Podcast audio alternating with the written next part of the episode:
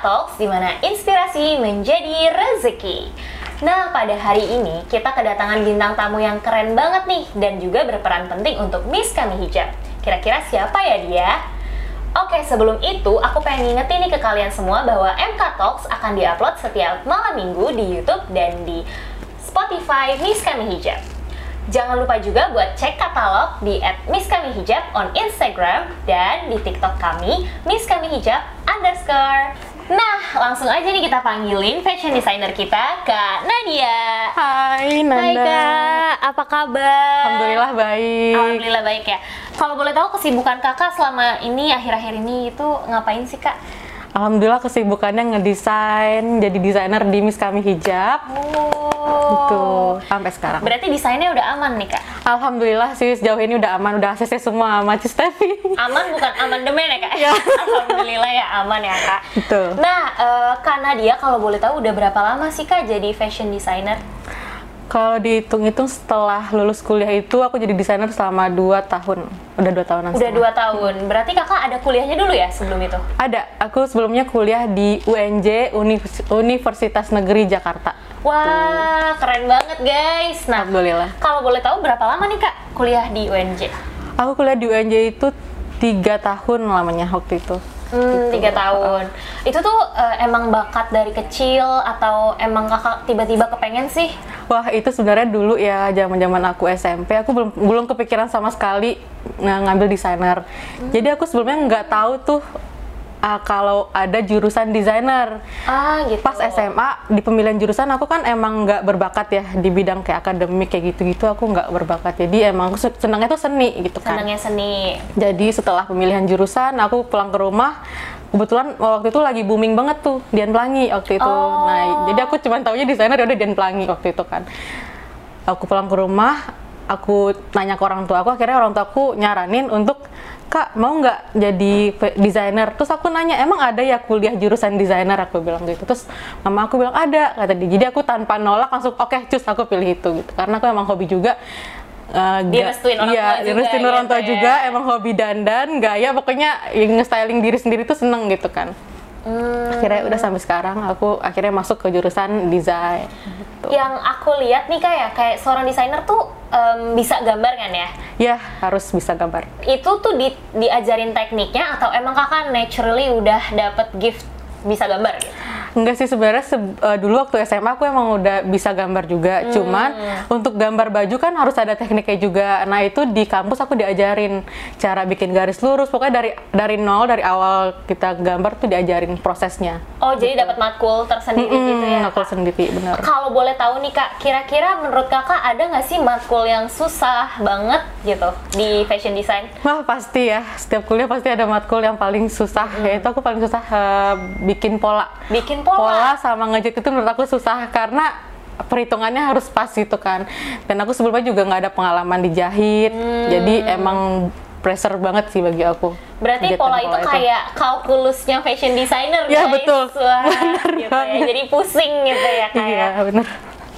Oke deh kak, makasih banget nih kak udah ceritain tentang uh, kegiatan kakak dan gimana sih sampai kakak ke fashion design ini.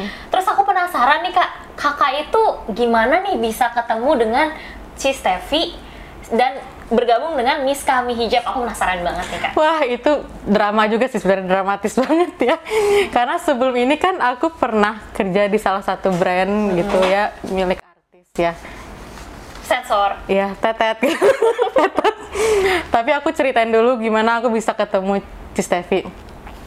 Jadi waktu itu eh, posisinya aku lagi nganggur selama dua bulan setelah eh, di tempat yang tetot ini. jadi Oh aku jadi kakak udah ketemu- keluar dulu? Udah keluar dulu di situ. Jadi aku eh, di rumah. Bukan selingkuh ya kak ya ceritanya? Iya, tidak. Bukan selingkuh. Bukan. Jadi selama itu, selama dua bulan itu aku mencoba buat bisnis sendiri karena menghilangkan stres yang sebelumnya. Jadi aku coba bisnis bisnis. Setelah itu selama dua bulan aku dapat tawaran dari teman aku. Jadi dulu aku kan sempat pernah magang juga di Dian Pelangi. Jadi aku punya kenalan di situ. Nah kenalan ini nawarin aku di tempat si Steffi. Dan di mana itu kan eh, tempatnya waktu itu aku taunya di Grogol kan. Jadi aku mikir lagi kayaknya jauh deh di sini. Sedangkan aku kan rumahnya di Depok gitu kan. Jauh juga ya kak? jauh banget. Terus akhirnya aku mikir kayaknya nggak deh kak. Nggak dulu karena jauh banget kan. Setelah itu aku pergi pesta bareng kakak ini. Aku pergi pesta ketemulah. Jadi ada namanya desainer Miss kami yang pertama kali namanya Dinda jadi aku sebelumnya nggak pernah nggak kenal Dinda aku kenalnya tuh di pesta ini dikenalin nama kakak Oh baru kenal di pesta Baru itu. kenal, ah. Emang jodoh aja gitu ya? Kak? Benar, jadi tuh akhirnya kita kayak ngobrol dan dia juga orangnya asik gitu kita ngobrol deket dan ujung-ujungnya dia nawarin lagi tuh di tempat yang sama yang ditawarin kakak ini Ah. di tempat si Steffi dia Jadi nawarin dengan kesempatannya datang dua kali ya kak? benar Wah guys. gitu. Jadi udah dua kali tawaran dengan S3 marketingnya dia ya. Udah coba dulu Nat. Gini begini begini. Ya udah. Aku dengan perasaan pasrah waktu itu ya udah deh. Gue coba dulu ya Din. Kalau nggak cocok kalau nggak cocok gue ikhlas. Kalau nggak juga nggak apa-apa. Yang penting gue coba gitu ya, kan. Benar-benar. Iya Nat. Coba dulu. Ya, Alhamdulillah berjalan seminggu waktu itu aku kerja. Pokoknya aku niatnya kerja bener-bener gimana nih eh, atasannya bisa percaya aku menjaga kepercayaan orang gitu kan. Jadi aku bekerja sebaik mungkin, eh, sejujur mungkin kayak gitu. Pokoknya yang terbaik deh gitu. Karena kan bekerja bagi aku juga itu berkah kan buat kita. Itu juga ibadah. Jadi eh, ya gitu bekerja jangan main-main harus da- dari hati gitu kan setelah itu ya udah aku jalanin selama seminggu dan tiba-tiba Cici bilang Nat eh, kayaknya aku cocok deh sama kamu kata Cici gitu. jadi aku pas pulang tuh bener-bener wah alhamdulillah ternyata cocok ya udah sampai sekarang udah berjalan 8 bulan aku sama Cici Wah gitu. BTW aku lagi pakai baju dari Miss kami loh guys. Menurut kakak nih sebagai fashion designer Iya. bagus nggak sih baju yang lagi aku pakai? Cantik sih ini girly banget ya. Ini emang terkhusus buat orang-orang yang feminim banget. Sebenarnya aku tuh bukan feminim banget orangnya tapi aku menyesuaikan emang klien kita tuh sukanya yang feminim-feminim yang cheerful. Makanya aku bikin desain ini. Warna-warni ya kayak. ya benar Kalau boleh tahu ini nama bahannya apa nih kak? Jadi ini tuh bahan dalemannya itu pakai bahan knitting dan ini bener-bener halus dan stretch banget bahannya. Jadi kita bikinnya kan all size. Jadi ini bisa dipakai sampai size L juga. Wah gitu, keren banget ya. Kalau ininya sendiri Dan ini pakai bahan namanya eh, kayak polyester mirip-mirip Polyester Kobe. gitu ya? Iya, bahan Kobe. Dan ini premium ya guys. Terus ini ada detail lucu banget, ada detail pleats catnya di bagian dada dan ini ada ruffle-nya juga. Wah, lucu banget. Cocok nah, banget. eh, aku juga nggak gerah sama sekali karena ini benar-benar adem dan eh, menurut aku cocok juga nih buat dipakai casual, daily gitu ya kayak. Iya. Ini enggak, tapi cocok juga nih buat pesta ataupun kondangan. Nah, Betul sekali. Eh, Oke, mungkin aku punya satu pertanyaan Apa yang itu? agak gimana gitu nih ya. Aduh, deg-degan. Nah, selama kakak jadi fashion designer nih kak, kan dari tadi udah cerita tentang sukanya gitu ya, sampai ketemu Ci Steffi dan segala macem. Tapi ada nggak sih kak hal-hal yang kayak, aduh kok gini sih, atau bikin kakak sedih, bikin kakak kecewa, kayak semacam dukanya gitu. Em, kayak mungkin boleh diceritain nih kak. Wah, kalau suka dukanya itu banyak banget ya. Aku tuh dari awal lulus kuliah, aku udah berkelana ke mana-mana. Jadi apa pun pekerjaannya, waktu itu selagi aku bisa, aku terima. Aku dulu juga pernah sempet jadi makeup artist. Oh. Kebetulan aku tuh kan seneng makeup juga, jadi ya udah ada tawaran jadi makeup artist, aku ikut Gas aja. aja. Itu pulangnya bener-bener kita pergi dari jam 3 pagi sampai jam 3 subuh lagi, itu bener 24 jam kerjanya waktu itu. Capek banget ya kak. Hmm, tapi karena aku juga suka, jadi ya kenapa enggak gitu karena pengalaman juga. Setelah itu nggak lama, aku juga pernah magang di Dian Pelangi. Terus juga setelah itu juga eh, apa ya? Tungguin nih. Setelah dari Dian Pelangi itu aku eh, pokoknya udah udah kerja di pernah desain produk juga waktu itu di Disney, eh, desain produk. Nah setelah yang desain, banget ya, Kak, ya? Iya, jadi emang apa yang sesuai dengan aku, aku coba aja Coba gitu. aja. Karena kan belajar, nah belajar kan seumur hidup kan. Kalau berarti pas jadi MUA itu capek banget nggak sih kak sehari-harinya dari jam 3 pagi sampai jam 3 pagi lagi. Pasti karena semua pekerjaan itu capek. Jadi gimana kita aja ngejalaninnya sama Itu setiap hari? Setiap, enggak, kebetulan itu emang freelance aja oh sih. freelance aja gitu. Oke, tapi kalau pas kakak jadi fashion designer sendiri nih, ada nggak sih kak satu cerita yang bikin kakak kayak kesel, sedih gitu? Ada sih, ini yang puncaknya banget baru-baru ini sebelum aku di Steffi. Jadi aku pernah bekerja di salah satu brand uh, milik tapi namanya di sensor. Sensor. Ah.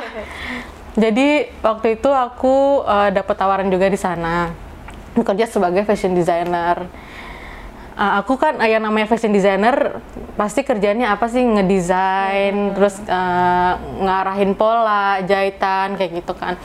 Nah pas di sana itu aku ternyata disuruh uh, kerja untuk semuanya. Kayak bikin branding juga terus uh, fot- fotografer juga waktu itu uh, apa namanya uh, pokoknya serabutan deh. Semuanya semuanya bener-bener semuanya bener-bener aku sendiri yang ngerjain di Itu nggak sana ada tim. nggak jadi tim itu emang cuman admin doang selain aku dan finishing juga aku beli bahan juga waktu ya itu ampun, bener-bener semuanya Ah, ah, kayak. beli beli bahan bolak-balik ke Majestic kayak gitu-gitu. Jadi karena ada satu dan lain hal dan nggak cocok lah intinya ya. Nggak cocok ya intinya. Ah, nggak cocok. Itu capek banget. Hmm. Akhirnya itu udah capek banget sampai aku sempet kena mentalnya juga di sana. Emang suka diomelin kak? Aduh, diomelinnya tiap saat. Bayangin kayak kita tuh kerja eh, serabutan, maksudnya semuanya kita kerjain gitu. Ya nggak mungkin dong nggak ada yang miss di Iya. pekerjaan kita kan, karena tangan Megang kita, ini tangan kita cuma dua nih ya kan. Tapi disuruh ngerjain semua tuh gimana? Kalau kaki gue bisa nulis nggak apa-apa gitu, tapi ini nggak bisa ya kan. Iya, benar banget. Jadi ya udah, akhirnya selama tujuh bulan tuh aku bertahan di sana. Pokoknya Lama mental juga loh ya, Hmm, kayak- lama banget. Jadi tuh aku sempat kena juga mental aku uh, bawaannya kayak marah mulu. Setiap hari setiap orang tua aku nelpon tuh pasti Nggak mood ngangkat. nggak mood ngangkat. Karena aku tuh trauma. Setiap nelpon tuh pasti aku diomelin gitu loh. Aku bingung juga salahnya di mana. Ka- karena kan aku udah berusaha kerja sebaik mungkin. Tapi ternyata ada aja kesalahannya miskomnya kayak gitu. Jadi udah karena nggak nyaman aku memutuskan untuk resign. Aku healing dulu di rumah. Benar-benar mm, refreshing diri dulu kan karena aku trauma banget setelah kerja dari sana gitu Itu berarti eh, yang berhubungan langsung sama kakak atau atasan kakak itu eh, artis sensor itu? oh gitu.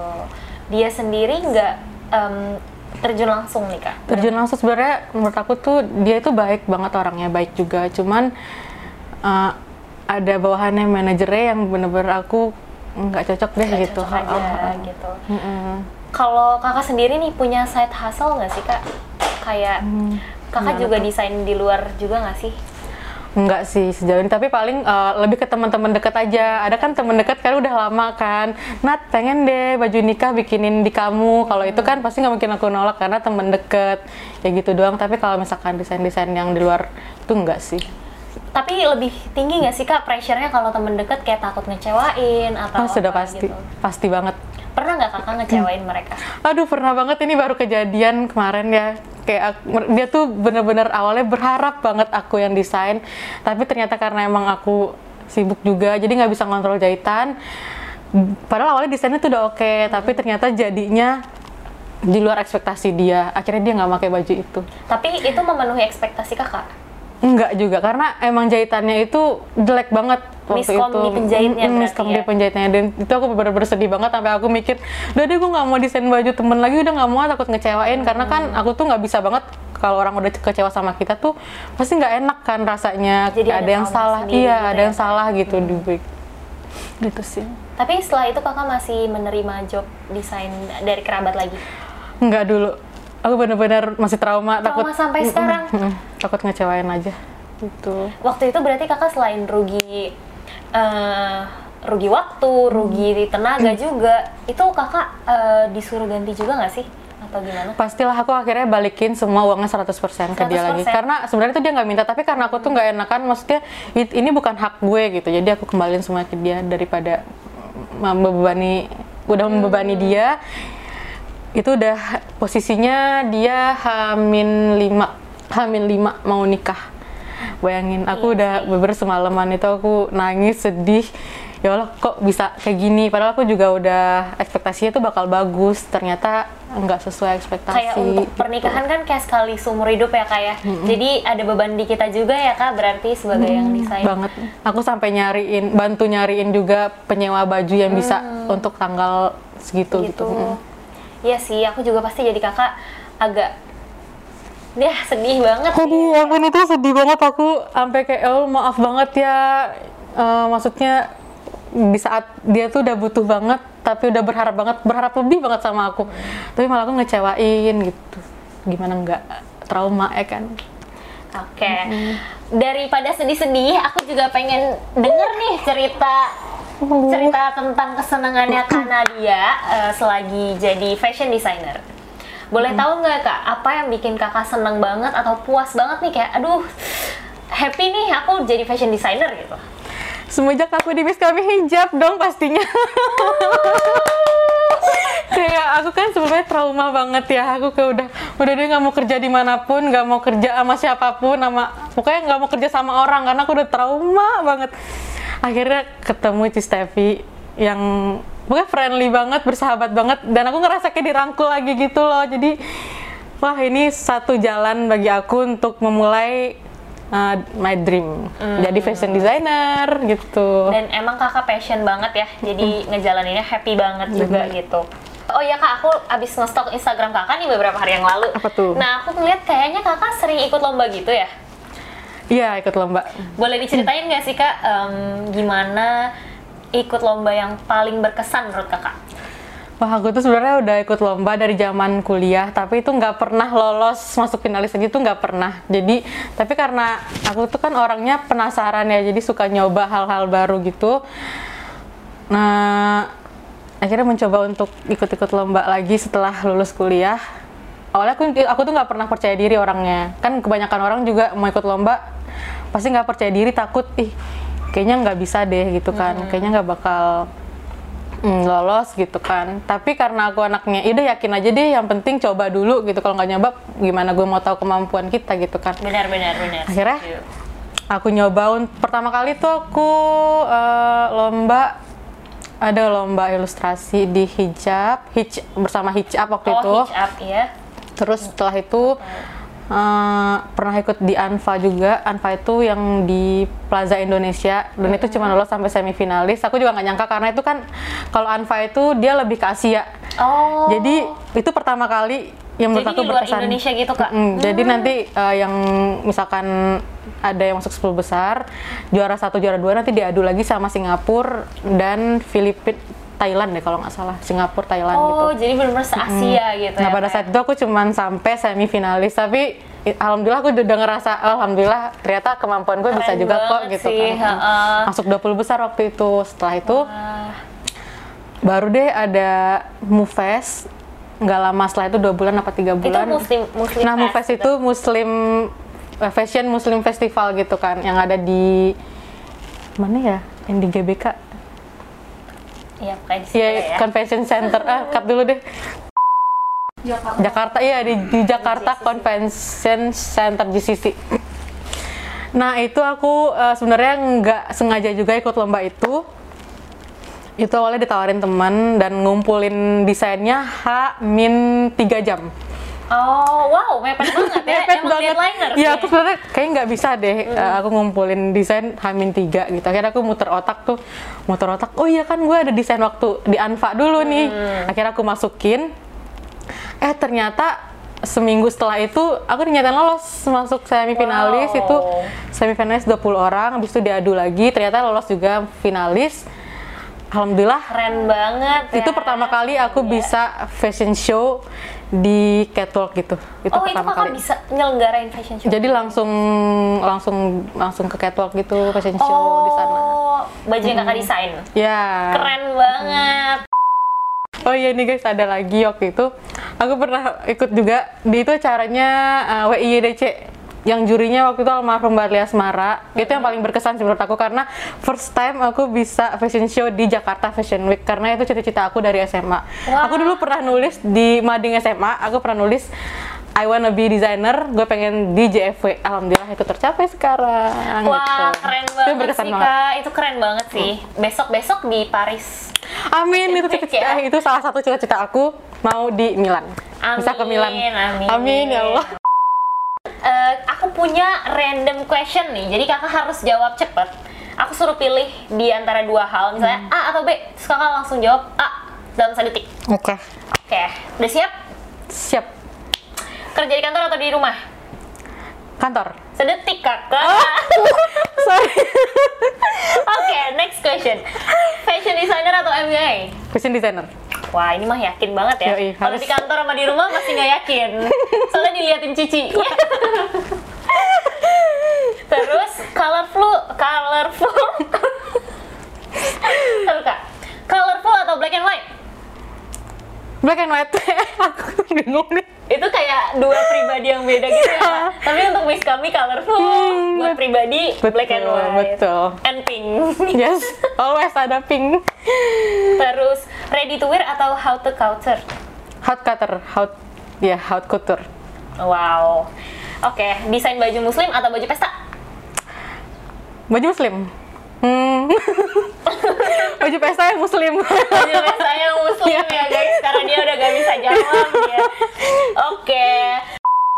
Eh, ini mungkin em, pertanyaan terakhir ya, dua pertanyaan terakhir. Nah, aku pengen dengar nih tips dari kakak sebagai fashion designer yang udah lumayan berpengalaman dan kakak juga udah sering ikut lomba nih. Apa sih kak kiat-kiat atau tips terkini gitu menurut kakak? Satu, yang pertama, kalau mau jadi fashion designer harus bisa menggambar gitu. Karena penting banget gimana karena penting banget bisa menggambar supaya kalau ketemu klien yang dia udah gue bingung Bisa explain gimana. gitu ya? Iya, jadi kita bisa menggambarkan ke dia desain gue. Oh jadi muter-muter sih gue ngomong. Pertama harus bisa menggambar, pasti itu harus. Kedua harus eh, ngerti pola, ngerti jahitan, Belajar yang benar selama kuliah. Ya, kayak gitu. belajar yang benar selama kuliah, dalamin ilmu-ilmunya, gitu. Eh, terus harus disiplin juga. Penting nggak sih kak, seorang fashion designer itu harus punya ciri khas? Harus banget bisa. Eh, apa? Punya ciri khas? Ya, penting.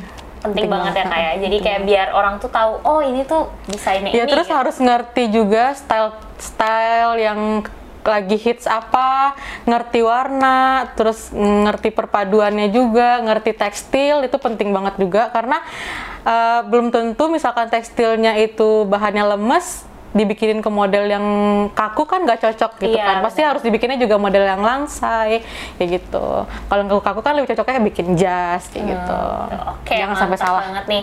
Pokoknya harus ikutin perkembangan zaman juga gitu ya kak. betul Ada nih kak eh, pesan dan kesan untuk para penonton MK Talks. Boleh nih kak. Oke, jadi pesan aku buat yang ingin jadi fashion designer atau apa pun itu, jangan pernah takut, jangan pernah menyerah. Ya namanya usaha itu ya harus berjuang, harus berjuang. Kalau nggak berjuang itu, kayaknya nggak ada cerita yang berkesan gitu. Karena kan cerita berkesan itu emang cerita yang Ada pahitnya ada dulu. pahitnya dulu gitu. Jadi jangan pernah takut memulai, coba aja dulu. Kalau lu nggak nggak nggak mau mencoba, gimana mau tahu kemampuannya? Jadi mencoba itu wajib. Jangan pernah takut. Jangan pernah takut mencoba Iya. guys. Keren banget Kak Nadia. Thank you banget ya Kak atas waktu dan kesempatannya untuk ngundang Kakak di sini. Thank you banget nih Kak Nadia dan para penonton setia dari MK Talks. Aku juga mau ngingetin lagi, jangan lupa like, comment, dan subscribe YouTube kita at Miss Kami Hijab. Dan jangan lupa yang mau baju kayak aku secantik ini bisa langsung cek di katalog at Miss Kami Hijab di Instagram dan bisa diklik tuh highlight resellernya. Nanti kalian bisa langsung kontak ke sana. Terus aku juga mau ngingetin untuk nonton eh, TikTok kami at Miss Kami Hijab underscore dan jangan lupa dengerin Spotify dan YouTube Miss Kami Hijab. Eh, Oke, aku Nanda sebagai host MK Talks pamit undur diri. Sampai ketemu minggu depan. Dah.